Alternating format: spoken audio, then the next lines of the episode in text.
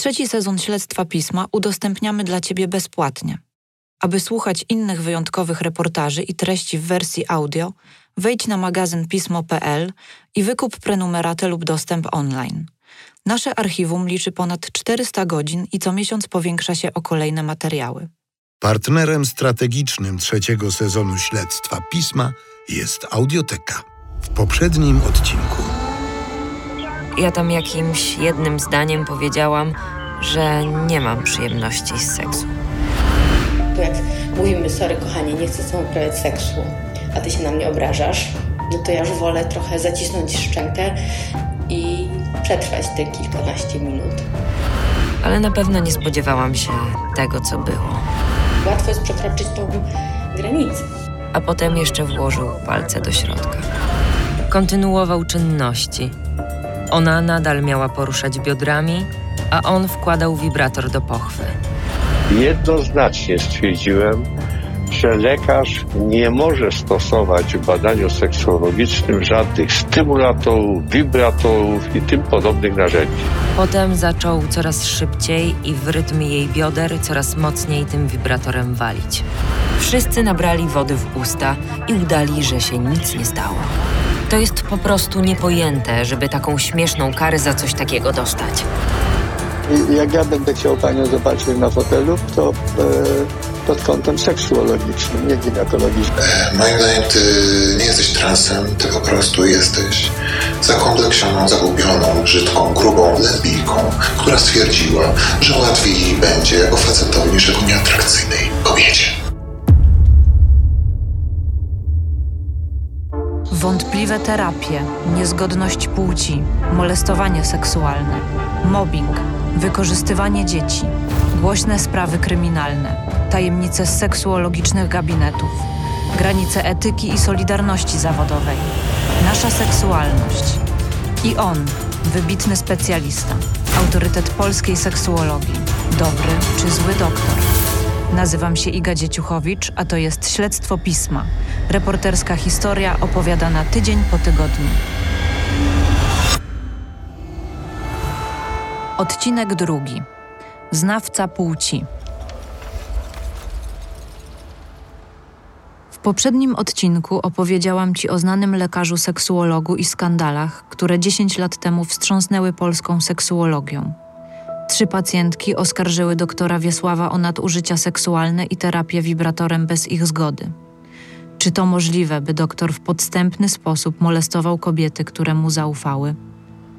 A może sytuacje w gabinecie były wynikiem nieporozumienia czy niefrasobliwości doktora, jak orzekł sąd lekarski? Postanowiłam sprawdzić, czy po latach seksuolog w ten sam sposób rozmawia z pacjentkami. Umówiłam się do niego na wizytę. Doktor przez telefon poprosił mnie, bym przygotowała się do badania seksuologicznego. Ale o tym, co działo się podczas spotkania, opowiem Ci za chwilę. Najpierw chciałabym powiedzieć o innej kontrowersyjnej sprawie, do której dotarłam. Szukając informacji o doktorze Wiesławie, zapisałam się do pewnej zamkniętej grupy na Facebooku, która zrzesza ludzi poszukujących terapeutów od trudnych przypadków. A tam dotarłam do osób, które poleciły mi rozmowę z Oskarem, człowiekiem, który leczył się u doktora i mógł mi o nim wiele powiedzieć. Jego znajomi ostrzegli jednak, że jest bardzo dyskretny. Od dawna nie udzielał się na zamkniętej grupie, do której wszyscy należeliśmy, i był rzadko dostępny w sieci. Długo czekałam na odpowiedź. W końcu Oskar zgodził się porozmawiać. Spotkaliśmy się w Warszawie. Przywitał mnie postawny, zarośnięty mężczyzna o przyjemnym głosie i długich włosach. Ubrany w bluzę i czarne spodnie, wyglądał na mniej niż 25 lat. Oskar przyznał, że czekał na to spotkanie z niecierpliwością, bo wiele tajemnic przez lata dusił w sobie. Dlaczego trafił na terapię do doktora Wiesława? Na jego prośbę zmieniliśmy głos w nagraniach. E, Ja do niego przyszedłem z matką. Ja jako osoba niepełnoletnia mogłem zacząć diagnostykę. E, po pierwsze musiałem czekać do 18 roku życia, żeby w ogóle dostać diagnozę, ale mogłem zacząć wcześniej, żeby już na przykład w dniu 18 urodzin mieć te wszystkie testy za sobą i tak dalej. Wtedy tak działało, nie mam pojęcia jak jest teraz. Teraz młodsi chodzą faktycznie. Zresztą matka była tak przerażona, jak ten temat wyszedł, że sama chętnie do seksuologa poszła, bo no wiadomo, to był znany seksuolog. Gdy Oskar trafił na terapię, miał ciało dziewczyny. Był dość otyły, nosił męskie szerokie ubrania w ciemnym kolorze. Miał sporo kompleksów. Już we wczesnym wieku dojrzewania ujawniły się u niego rozmaite problemy i spore wahania hormonalne. Miał biologicznie cechy i męskie, i żeńskie.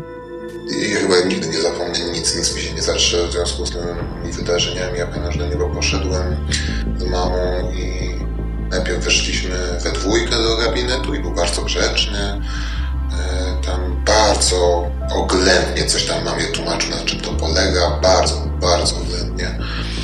E, po czym e, to, to, to, rozmowa trwała może 10-15 minut, po czym ją wyprosił i zostałem z nim sam na sam. No i no nie będzie, tak? A on do mnie powiedział, e, patrząc mi prosto w twarz, e, moim zdaniem ty nie jesteś transem, ty po prostu jesteś zakompleksioną, zagubioną, brzydką, grubą lesbijką, która stwierdziła, że łatwiej jej będzie jako facetowi niż jako nieatrakcyjnej kobiecie. Jak na to zareagowałeś? Działo mnie. Ja miałem 15 lat, ja byłem dzieckiem. Ja po prostu, nie wiem, po prostu siedziałem i się gapiłem na nią. Był wtedy w kiepskim stanie psychicznym. Okaleczał się, miał stany depresyjne.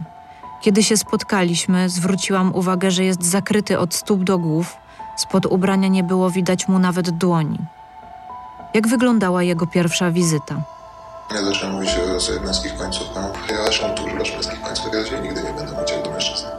Nigdy. Zawsze mówił do mnie żeńskimi końcówkami często używałem zwrotu e, dziewczyno i tak dalej, bo wiedział, że mnie to boli. I mimo, że go prosiłem, żeby tego nie robił, żeby już jak już musi, to żeby nie używał żadnych. Używał ich maksymalnie, wręcz absurdalnie z punktu widzenia polonisty na przykład. Absurdalnie to on to robił specjalnie. On od samego początku chciał mnie złamać. E, On mnie maglował przez jakieś 10 minut, po czym powiedział, że teraz ja mam wyjść, a on się rozmawiał, ja mam. Aż do tego dnia mieliśmy całkiem dobre relacje z mamą, ja byłem jej dzieckiem, tak, e, wiedziałem, że mnie kocha i że jestem dla niej ważny. A ta kochanie się wszystko już. E, Ja się części tego, co on jej powiedział, za tymi zamkniętymi drzwiami dowiedziałem jako 21-letnia osoba. Kiedy słuchałam Oskara, miałam wrażenie, że znowu, jak w przypadku Joanny i afery z wibratorem, mam do czynienia z radykalnym naruszeniem etyki zawodowej.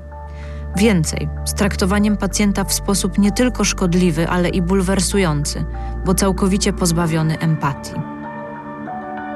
Z badań genetycznych, które zlecił doktor, wyszło, że Oskar jest nie tylko osobą trans, ale też interpłciową. Zanim opowiem Ci o metodach, jakie doktor zalecił stosować w domu mamie Oskara, chciałabym zatrzymać się na chwilę i wyjaśnić kilka terminów. Osoba transpłciowa to taka, która w różnym stopniu nie identyfikuje się z płcią uznaną przy urodzeniu. Natomiast osoba interpłciowa rodzi się z fizycznymi cechami płciowymi, które nie wpisują się w medyczne normy określające typowo męskie lub kobiece ciała.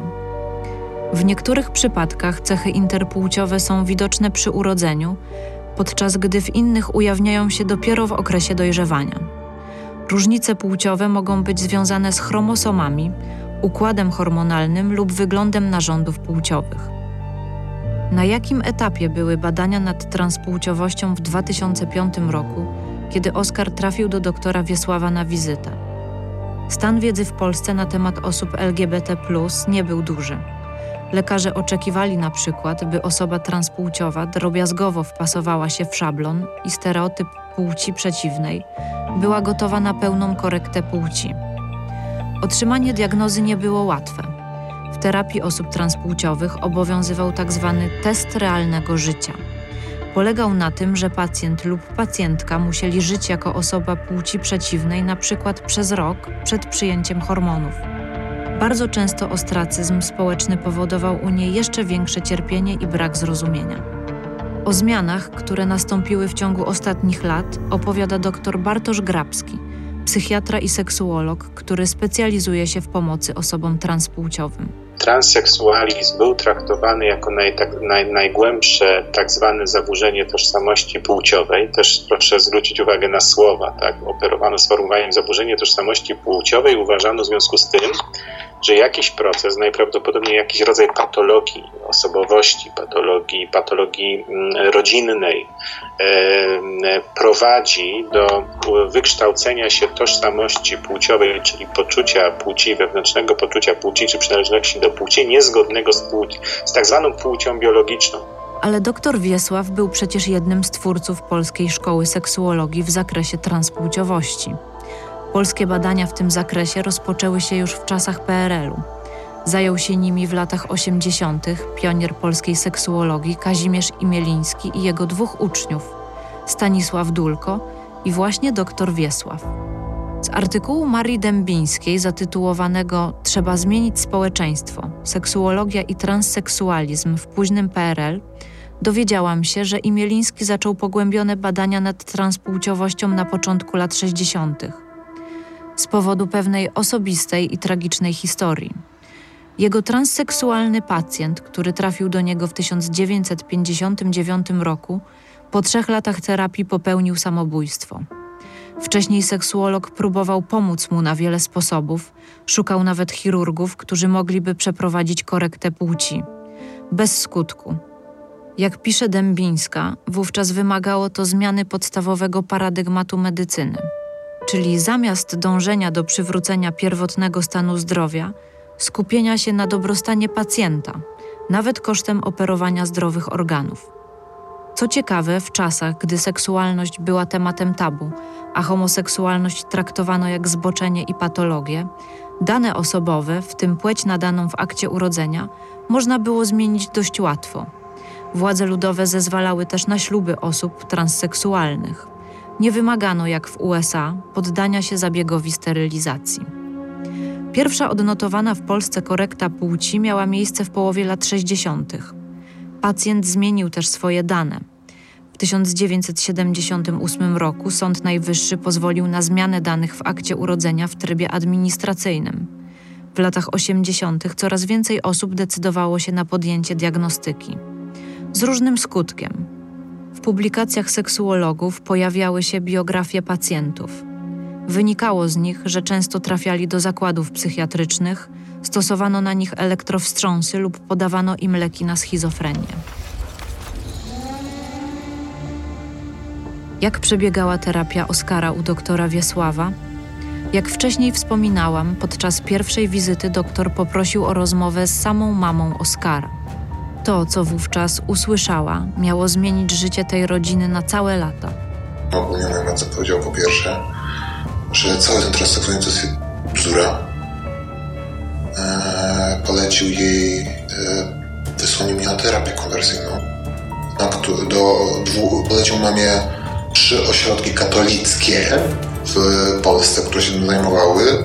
Chodziło o to, że po pierwsze trzeba mi wybić z głowy ten durny pomysł z transseksualizmem, po drugie trzeba mnie odchudzić, bo jeśli słuchajcie, miałem wtedy jakieś 10 kg nadwagi, więc nie byłem otył czy coś takiego, po prostu byłem pudnym dzieciakiem, tak miałem zaburzenie hormonalne. Oskar opowiedział mi też inne, przejmujące szczegóły kolejnych wizyt. Jego życie musiało wtedy przypominać piekło. Ja od niego usłyszałem, że jestem po prostu brzydką, grubą, e, zakompleksioną lesbą. Usłyszałem od niego chyba ze store, na każdy, za każdym razem mojej matce powiedział, że po pierwsze trzeba wybić lesbijstwo z po drugie te, te drdymały z tym transseksualizmem, on powiedział, że to po prostu jest marginalne, że to się zdarza bardzo rzadko i on w ogóle ma wątpliwości co do zjawiska i co mojej mamie polecił, że ze mną trzeba walczyć na noże. Na koniec doktor powiedział, że Oskar powinien zostać w żeńskiej szkole.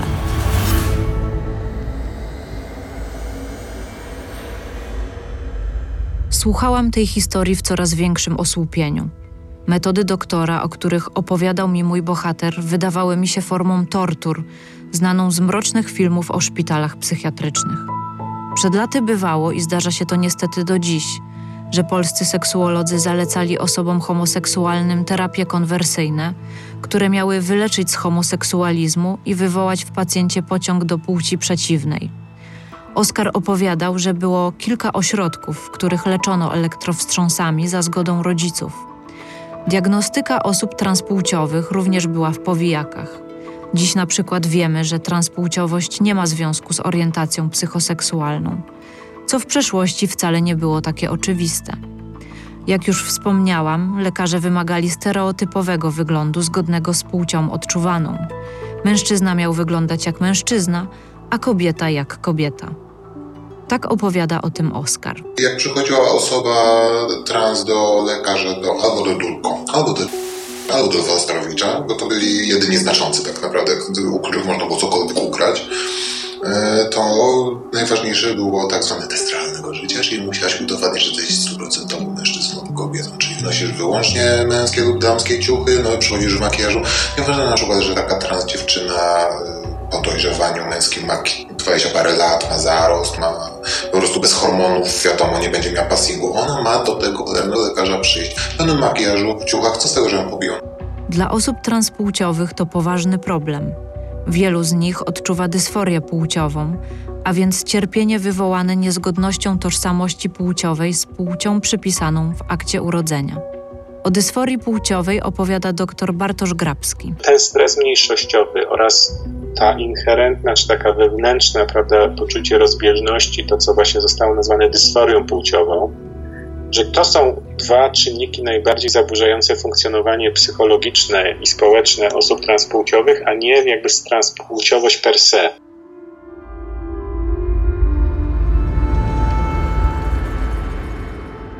O tym, że przeżycia Oskara nie są wyjątkowe, świadczą relacje innych osób, z którymi rozmawiałam.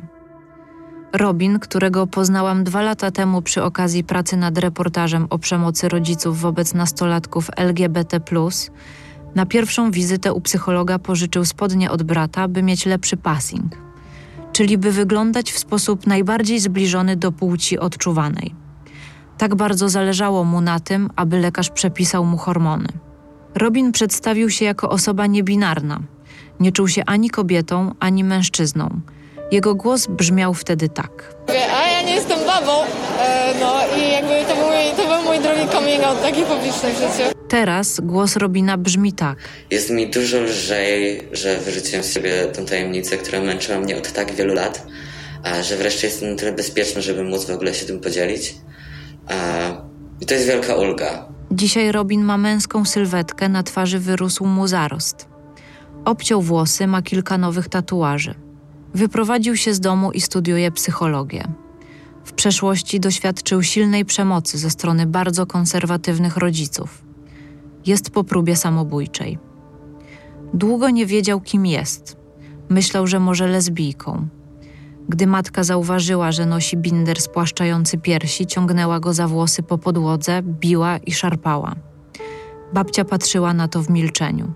Od rodziców codziennie słyszał, że jest popierdolony. Dziś Robin mówi, że z odrzuceniem przez rodzinę już się pogodził. Czeka na dzień, aż uzbiera pieniądze na mastektomię, czyli tak zwaną jedynkę, by czuć się w pełni sobą. Dwie pozostałe operacje to wycięcie macicy i falloplastyka. Irytowało mnie też to, że w sumie z takim wyglądem, jaki miałem wtedy, nie będę odczytywany jako mężczyzna na zewnątrz, a wolałem, wolałbym być jednak tak odczytywany, więc zdecydowałem się na hormony.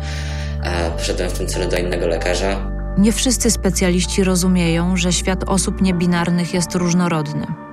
Robin na razie przyjmuje testosteron, czeka na jedynkę, ale nie chce poddać się pełnej tranzycji, czyli całkowitej korekcie płci. Karolina, dentystka, na diagnostykę, psychoterapię i bardzo trudną operację pełnej korekty płci zdecydowała się dopiero po czterdziestce. Gdy jako młoda osoba próbowała dowiedzieć się czegokolwiek o tranzycji, słyszała takie odpowiedzi. I pamiętam na studiach, że była taka historia, na jakichś zajęciach z psychologii czy yy, z psychiatrii. Ja ten temat, yy, o ten temat zapytałam się wykładowcy i uzyskałam odpowiedź taką, że Zmiana płci, bo to spytałam, bo nie wiedziałam, że to się nazywa korekta. E, zmiana płci to właściwie e, to bogaci aktorzy, którzy nie mają co kompletnie robić z pieniędzmi, to sobie płeć zmieniają, żeby być bardziej fan, żeby być bardziej e, jakby zauważalnymi. E, tak ogólnie robią to z nudów i z nadmiaru gotówki. W jej przypadku lekarze nie mają żadnych wątpliwości. Karolina jest kobietą, choć ciało miała męskie. Swoją transpłciowość całe życie wypierała. Myślała, że może założenie rodziny uchroni ją od marzeń, by być kobietą. Ma dwoje dzieci, ale już nie mogła dłużej żyć w męskim ciele. Na tranzycję zdecydowała się dopiero po rozwodzie. Jak szłam spać, to zawsze szłam spać jako Karolina i sny miałam Karolinę. Było niesamowite. Ale to było też straszne, bo e, czasem się zdarzały takie sny i jak one były szczególnie takie wyraziste, ja potem przez tydzień miałam e, kompletnie rozwalony humor. E, ja byłam w ogóle nie, nieobecna. Ja szłam do pracy i ludzie nie potrafili ze mną rozmawiać, bo ja trzymałam ten sen w sobie, ja nim żyłam. Ja cały czas się zachodziłam w ogóle, jak to, dlaczego tak wyszło, że jest tak, dlaczego ten sen nie może się zrealizować. Dodatkowym problemem, poza tymi oczywistymi związanymi z coming outem czy korektą płci, jest ustawa, która nakazuje osobie transpłciowej pozwać rodziców, by móc zmienić dane. Pozew dotyczy nadania złej płci przy narodzinach. To ostatni, dodatkowo obciążający etap w dążeniu do bycia sobą. Mimo to Karolina ani przez chwilę nie żałowała, że przeszła korektę płci. Niesamowite przeżycie, naprawdę. Mm, Coś tak wyjątkowego. E, Nigdy wcześniej w moim życiu, oprócz chyba urodzin dzieci, nie wydarzyło się coś, co bym tak bardzo zapamiętała e, i co by wiązało się z takimi przeżyciami emocjonalnymi, z taką radością, z takim oczekiwaniem. Karolina przyznaje, że dziś w Polsce jest wielu lekarzy, którzy zajmują się tematem transpłciowości. Można wybierać wśród specjalistów w zależności od regionu. W doborze odpowiedniego lekarza i innych sprawach związanych z kolejnymi etapami tranzycji pomaga też Fundacja Transfuzja. Są fora i grupy, gdzie środowisko stara się nawzajem wspierać. Ale Oskar na terapię do doktora Wiesława trafił 15 lat temu. Wtedy można było udać się tylko do trzech lekarzy. Nie było Facebooka, nawet grona jeszcze nie było, więc były tylko fora tematyczne. Ja gadałem o tym tylko z ludźmi e, transpłciowymi na niebieskim forum i stąd wiem, że to się po, tak, poszedłem na grupę wsparcia do lampy, co mi bardzo pomogło. Poznałem dużego pacjentów, no to była Warszawa, więc tylko tylko Lew Starowicz, który był mniej popularny, bo on był mniej skuteczny. Na trzecim miejscu był doktor Wiesław, u którego wizyty były najtańsze. Był, tylko binarny podział na transfacetów, transkobietów w ogóle była inna rzeczywistość. Teraz po prostu młodzi, w sensie nastolatkowie, teraz nie mają pojęcia, co się wtedy działo. Wtedy trzeba było udowadniać, że się stuprocentowo, tak jak teraz jest ten super binarny podział, który jest i przez feminizm, i przez wszystko krytykowany, to wtedy była obowiązująca norma.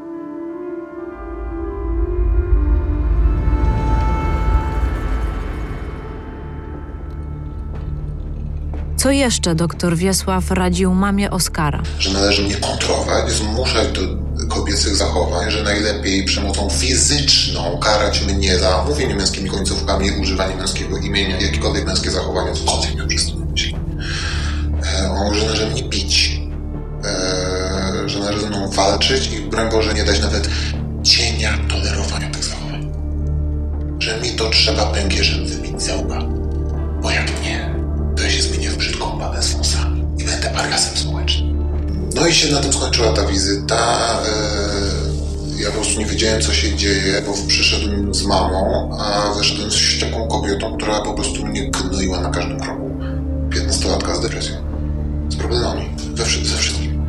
Więc jak się domyślisz, skończyło to się dla mnie tak jak dla przeciętnego nastolatka. Zacząłem wagerować, zacząłem pić. Na szczęście w tamtych czasach dla osób, y, znaczy ja nie potrafiłem dorwać się do narkotyku, więc tylko dzięki temu nie zacząłem brać narkotyków, zacząłem, no, wpadłem w różne towarzystwo, działy się różne rzeczy, padłem ofiarą gwałtu zbio- naprawczego na imprezie, na której byłem z jakimś 20 facetami, jako 15-letni dzieciak. Po prostu to, co ja zacząłem, to, no wiesz, wiesz, jak sobie radzą nastolatkowie, to po prostu są całe tomy na ten ani muszą mieć, to było klasyczne, po prostu zostałem totalnie odrzucony przez własną rodzinę całą jednego dnia. Oczywiście teraz telefon do mojej siostry. On, zrobił po prostu pranie mózgu. Moja matka była przerażona, tak? E, a on to w niej podsycił i po prostu mi, matka mówi, że mnie nienawidzi i żałuje, że mnie nie wyschorowała. Ja to ciągle słyszałem. To, to było łamiące. Ja do dzisiaj się po tym wszystkim pozbierałem. Na szczęście matka Oskara nie zastosowała się do wszystkich rad doktora. Ja byłem młody, więc miałem, więc mimo, że mnie łamali, ja byłem młody, ja miałem siłę, ja byłem buntowniczą duszą, zawsze jak się buntowałem jak kodera. Ja potrafiłem zniknąć z domu na kilka dni, jak e, coś nie było mowy. Zresztą moja matka była dosyć inteligentną już kobietą, więc uznała niektóre jego porady za absurdalne, typu palenie ciuchów czy coś. Ona nie była, nie była fanką rozwiązań siłowych, więc to nie było tak, że powiedziała mojemu ojcu, że mam nie zacząć tak. Nie, nie, nie, nie. Nie wprowadziła większości tych metod, wprowadziła tylko tę psychologiczną wojnę. Tylko tę psychiczną. Nie było bicia, jak, jak chciałem Yy, znaczy miałem na przykład szlaban na fryzjera, to sobie kupiłem maszynkę i zgodziłem się na łys. Ale w gabinecie doktora Oskar przeżywał kolejne upokorzenia. Od mniej więcej pierwszego zaczęło się wypytywanie mnie o doświadczenia seksualne. Czemu ja nie mam doświadczenia seksualnych z mężczyznami? Ja powinienem mieć doświadczenia seksualne z mężczyznami. Czy ja się masturbuję? A czy ktoś kiedyś mnie dotykał? A czy ja na pewno mam uczucie wegetarsce? Czy to na pewno transseksualizm? Nie, ja pewnie mam po prostu problem seksualny. Jego stan psychiczny wciąż się pogarszał. On ciągle, ciągle mi podkreślał, że jestem tłusty. Ciągle, jeżeli schudł, to może jakiś chłopak się zainteresuje. Jak się z tym czułeś? Paskudnie. Obrzydliwie czułem się brudny. Ja y, odkąd do niego chodziłem, bardzo nasiło mi się samo okaleczanie się. Ja rozdrapywałem te rany. E, myłem się drucianą szczotką po wizytach jako po czymś brudny. To dosyć klasyczny objaw, jak się dowiedziałem wiele lat później. Do. Moja matka uważała, że ten człowiek uratuje jej córeczkę. Nie, nie, ja nie miałem o czym mówić. To, to nie, nikomu to nie mówiłem. Niektóre rzeczy mówiłem na grupie, ale wszystko się bardzo wstydziłem tych komentarzy seksualnych. Czy tak powinna wyglądać terapia osób transpłciowych?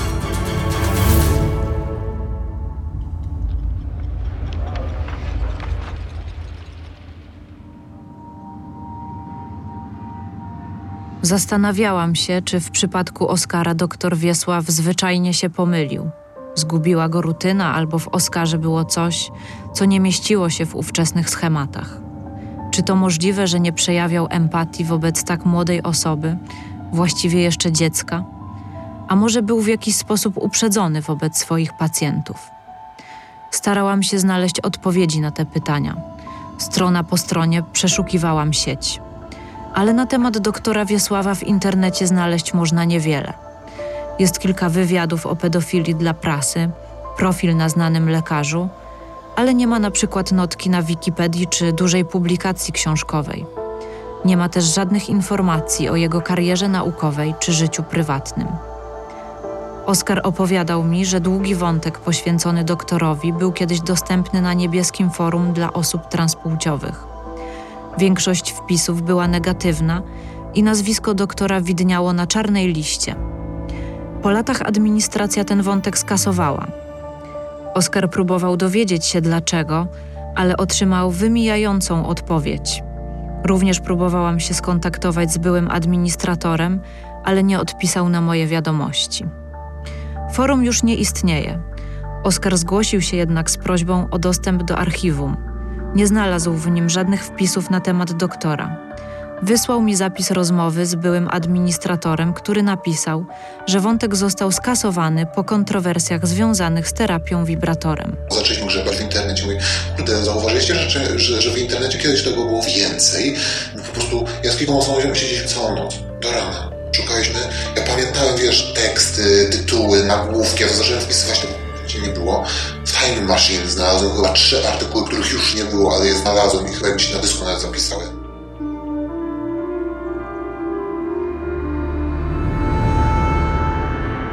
A terapia Oskara? Trwała prawie dwa lata i nie przyniosła przełomu. Oskar wciąż borykał się z nienawiścią do samego siebie, nie miał wsparcia w rodzicach. Ojciec często go bił, matka próbowała wprowadzać w życie porady doktora Wiesława i przymuszała go do damskich zachowań. Za nic nie chciała uznać transpłciowości swojego dziecka. Jak wyglądała jego ostatnia wizyta?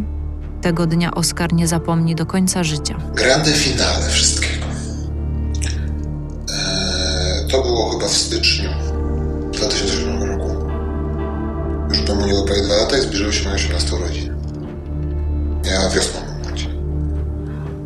E, no i sama niosła, że jak się kończy 18 lat i jest się, i równocześnie jest się tak długo czy to powinienem w końcu dostać te uprawnione hormony i diagnozę, tak? On mnie zwodził straszny, w ogóle nie chciał nic mówić, nie podał, on zresztą łamał cały kodeks yy, zawodu. Nie, nie konsultował ze mną żadnych wyników testów. Zwrócił uwagę, że byli pacjenci, których doktor lubił. Poświęcał im wtedy uwagę, omawiał z nimi ich wyniki. Ale była też druga grupa. Aby ci z grupy potępionych, jak ja, a to była duża grupa i rosnąca, z miesiąca na miesiąc. Jeden ślad jakiejkolwiek biżuterii nie macie, nie istnieje. Ale Oskar nie spodziewał się tego, co miało za chwilę nastąpić. Przyszedłem na ostatnią, jeszcze nie wiedziałem, że to ostatnia wizytę, przyszedłem do niego i bez żadnego ostrzeżenia, bez żadnego ostrzeżenia. Powiedział, no dobrze, to dzisiaj jest twój wielki dzień. Dzisiaj będziesz moim królikiem doświadczonym. Użył słowa jako król. W sali naprzeciwko czeka mój rok studentów. Teraz ty pójdziesz tam ze mną, a oni będą robić z tobą wywiad i masz ich przekonać, że jesteś transseksualny. I może przekonasz mnie. I może wtedy dostaniesz hormony. Jeśli się nie zgodzisz, to generalnie nie. Powiedział, że mam to przemyśleć. Jeśli się zdecyduję, to mam iść naprzeciwko. I wyszedł i mnie tak zostawił. Studenci byli posadzeni w kółko wokół, po całej sali. On siedział w jednym rzędzie z innymi, znaczy w rzędzie, w miejscu i prawie na środku, prawie na środku, tak żeby on był za plecami, było krzesło. Ja miałem przejść do posadzie, on miał tam. On był za moimi plecami. Oni byli wokół mnie wszyscy. Upchani, po prostu było tam mnóstwo osób, nie wiem, tam było 30 osób, nie wiem, studentów. Kiedy zaczęło? On powiedział, drodzy Państwo, tutaj mamy kolejny okaz, nie okaz. Ja nie jestem przekonany. Moim zdaniem jest to lesbijka z problemami, która stwierdziła, że łatwiej będzie być mężczyzną niż nieatrakcyjną kobietą. No ale nie wiem, może Państwa przekona. No to zadawajcie. On mnie to. Zaczął. Eee, po pierwsze, eee, ja na początku na usiłowałem walczyć, na to usiłowałem walczyć. Oczywiście zaczęło się od zaczepek śmieszków rożnych na rogu. Każdy ma śmieszków na rogu, nawet na psychologii. Są tacy zawsze teraz też.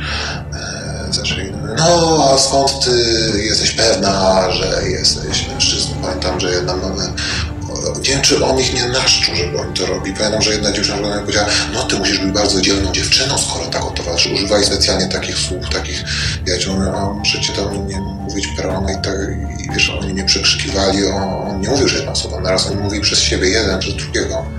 To był kompletny chaos. Kompletny chaos i on się do tego włączył i to były śmieszki na przykład, że zaczęły, aha, bo pacjentka twierdzi, że jest dziewicą i nie miała doświadczenia z mężczyzną. Co o tym sądzicie? Miałem 17 lat.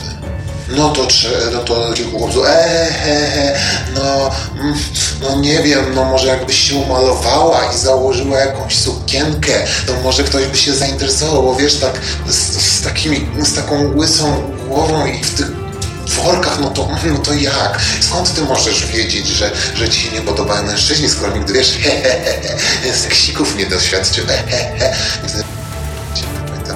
Wiecie, panowie, wyglądacie na dosyć chętnych, więc jeśli pacjentka nie ma nic przeciwko, no to ja mogę wam udostępnić mój gabinet. Oskar na chwilę zawiesił głos. Widać było, że z trudem dobiera słowa. Ja wtedy wiedziałem w ogóle, czy to, to dowcip, czy o co chodzi. Jeden z studentów zapytał, czy ja kiedyś chciał wymasować swoją łechtaczkę, lub dokładnie tych słów. To dzieciaka. A panie, a panie doktorze, a może zmierzmy łechtaczkę? Bo tam sobie jest teoria, że e, trans, że tra, transseksualizm występuje u kobiet z, z zaburzeniami hormonalnymi, te mają większe łechtaczki, więc trzeba zobaczyć, czy, czy pacjentka nie ma powiększonej łechtaczki. I, ja tam po prostu siedziałem jak ja nic już ja w pewnym momencie zacząłem po prostu łzy tak lecieć. Widziałem, że kilka dziewczyn, kilka, tylko kilka, tak było. To nie to, że wszyscy mieli ubaw. Po tych słowach zamilkliśmy oboje na długo.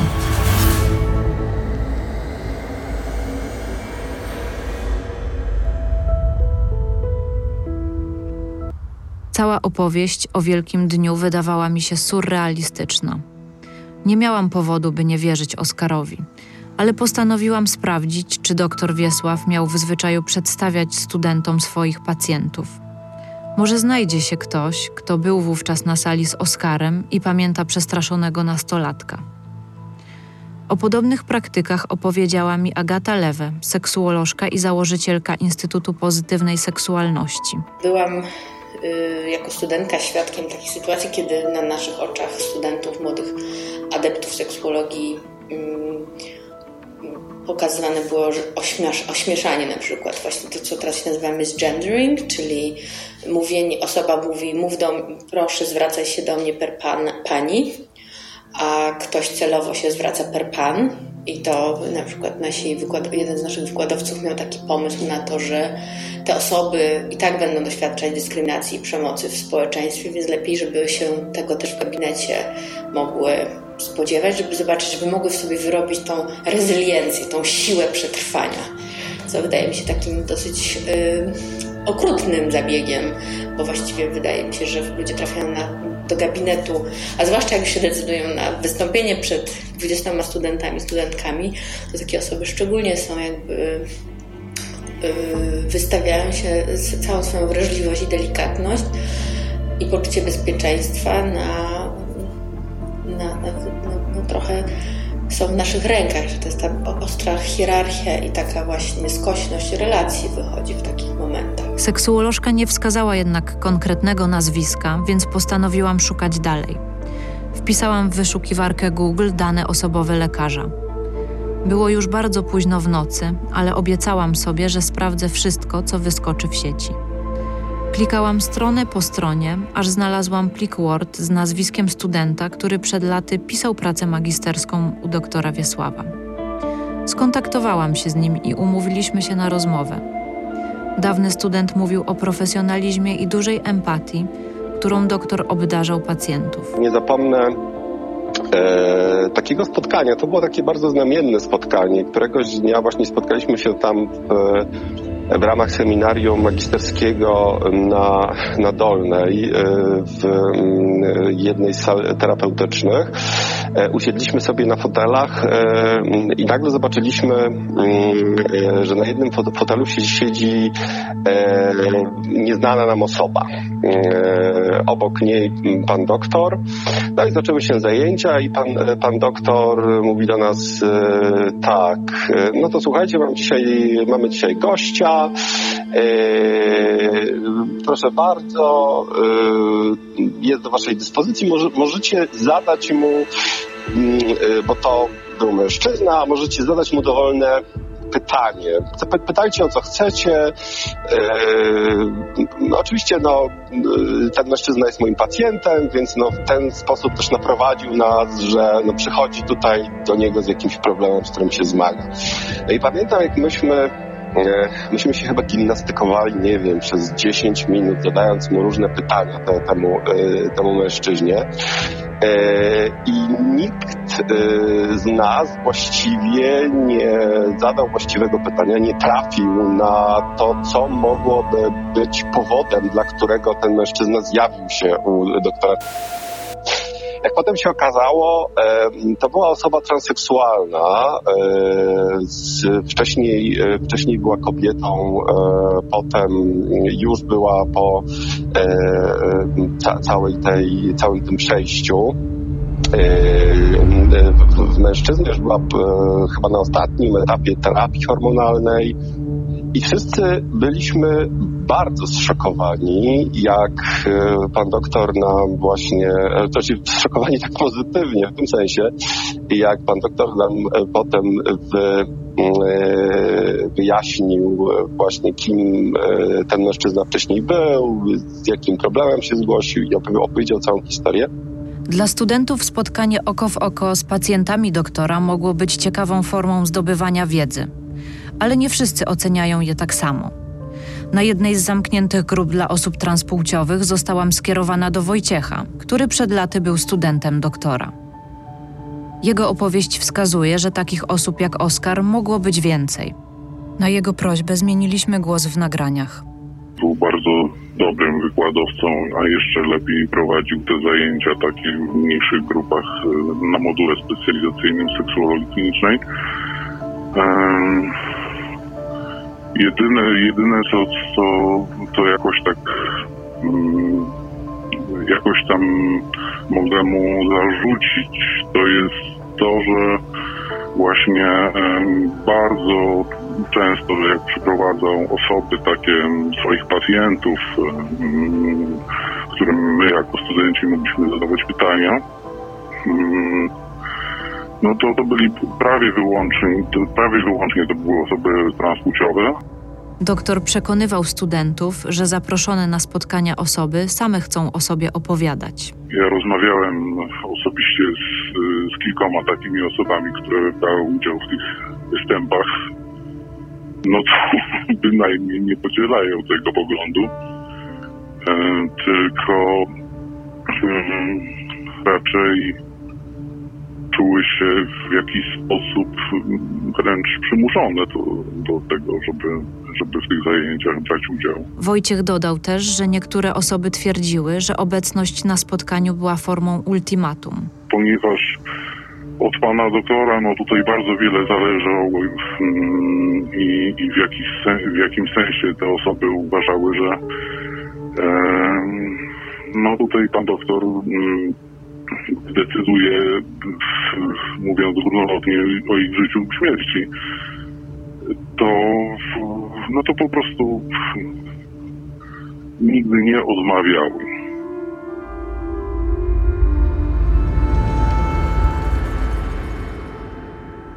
Jak skończyła się sesja, którą Oskar nazywa wielkim finałem, Ile to trwało? 40 minut, pół godziny, 40 minut, godzinę, niecałą godzinę. On w pewnym momencie powiedział, no dobrze, czy macie Państwo jakieś, ja już nawet nie odpowiadałem, powiedział, że chyba pacjent jest starszy. To kończymy na dziś. Ja wstałem i wyszedłem, nawet nie, nie poszedłem do niego, tak jak wstałem, wyszedłem, e, dotarłem do domu i nie wychodziłem przez, nie wychodziłem ze swojego pokoju przez 4,5 miesiąca. Nie zdałem do następnej klasy. Ja nie, nie wychodziłem. Nie rodzice mi przynosili tylko do łazienki, która drzwi, drzwi z moim pokojem. Nie wychodziłem przez 4,5 miesiąca. Oskar załamał się. Na szczęście trafił potem do doktora Zbigniewa Libera do Krakowa. Otrzymał tam hormony, diagnozę, przeszedł tranzycję. Oskar wciąż odczuwa skutki psychiczne przemocowej terapii i leczy się u psychotraumatologa. Jego mama już nie żyje.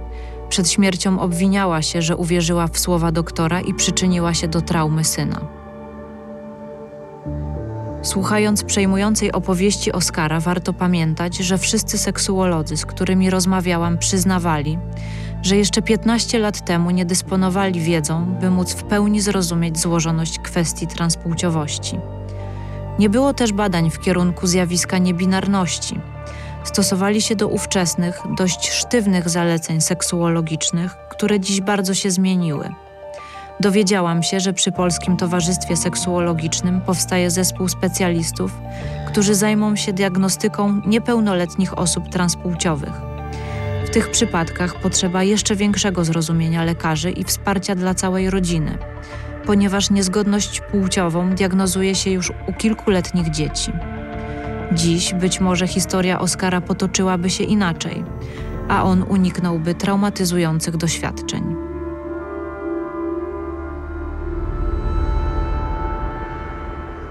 Wiedziałam, że Oskar nie był jedynym pacjentem, który po latach miał pretensje do doktora Wiesława. Dotarłam do jeszcze jednej osoby, która też czuła się przez niego pokrzywdzona. Ale nie zdecydowałam się przytaczać w śledztwie naszej rozmowy. Obawiałam się, że udział w serialu może pogorszyć jego stan psychiczny.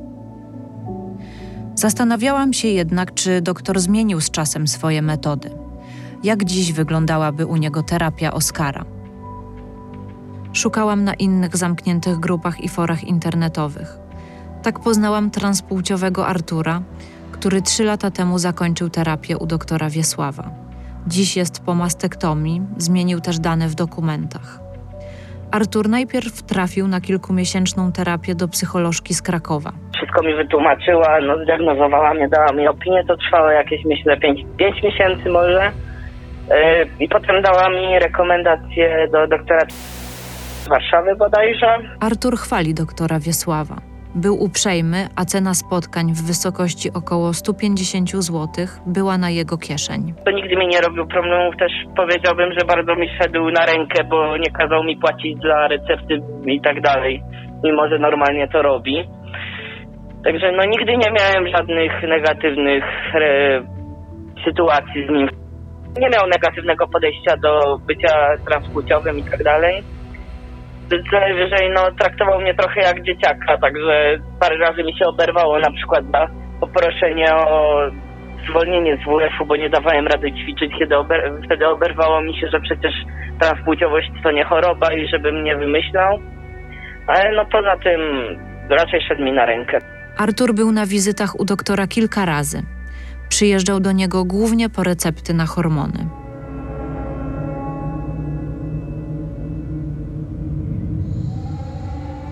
Po tych wszystkich rozmowach nadal nie wiedziałam, czy doktor Wiesław to postać dobra czy zła. Czy jest lekarzem, który nie dysponował po prostu wiedzą, którą specjaliści mają dziś, a materia badań nad ludzką seksualnością jest złożonym procesem.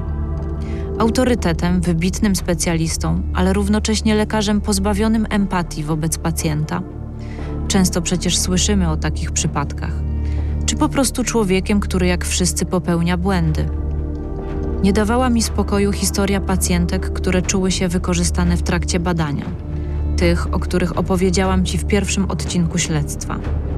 A jeśli doktor po prostu czuje się bezkarny, cynicznie wykorzystuje swoją pozycję na coraz to nowych polach działania seksuologii. Jakbym miała do czynienia z doktorem Jekyllem i Mr. Hyde'em. A mnie przecież czekało spotkanie z doktorem Wiesławem badanie seksuologiczne, jak to sam określił w rozmowie telefonicznej. Nie miałam pojęcia, czego się spodziewać. Skontaktowałam się z innymi seksuologami i powiedziałam, że znajoma spotkała się z taką propozycją badania. Zapytałam, na czym ono polega. Jakie pytania mogą paść i co się może wydarzyć za drzwiami gabinetu? Ja bym tu podejrzewała, że to jest nurt pracy jednak medycznej, gdzie właśnie zakłada się jakąś formę no, no, badania ginekologicznego. Y, jak się idzie do psychoterapeuty, no to ta, ta, takie badanie może jedynie zostać zlecone i zle, zlecane są różne badania medyczne. I myślę, że to jest to, co jest myślę ważne w takim kontekście, kiedy pani się mnie zapyta, o co pytać, to zapytać się, czy, czy w ogóle terapeuta, terapeutka pracuje z dotykiem i co to znaczy praca z dotykiem. Yy, bo mówiący psychoterapeuci no nie mają, mają wpisane w swój zawód, że raczej nie chodzi o, o jakiekolwiek interwencje manualne, ręce, które leczą. Bardziej to jest proces, proces mówiony.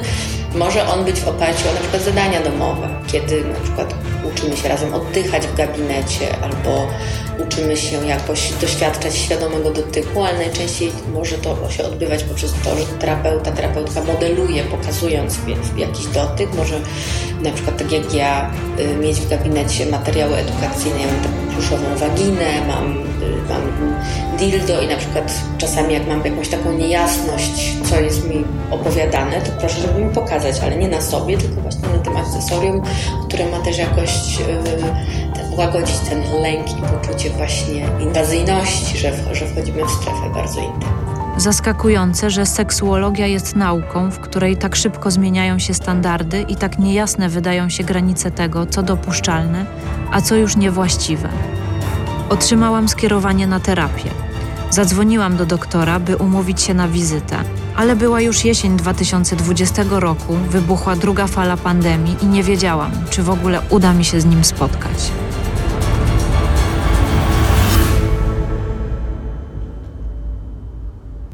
O tym, co mi zaproponował doktor i o jego kolejnej twarzy, którą odkryłam w międzyczasie, opowiem Ci w trzecim odcinku Śledztwa Pisma za tydzień.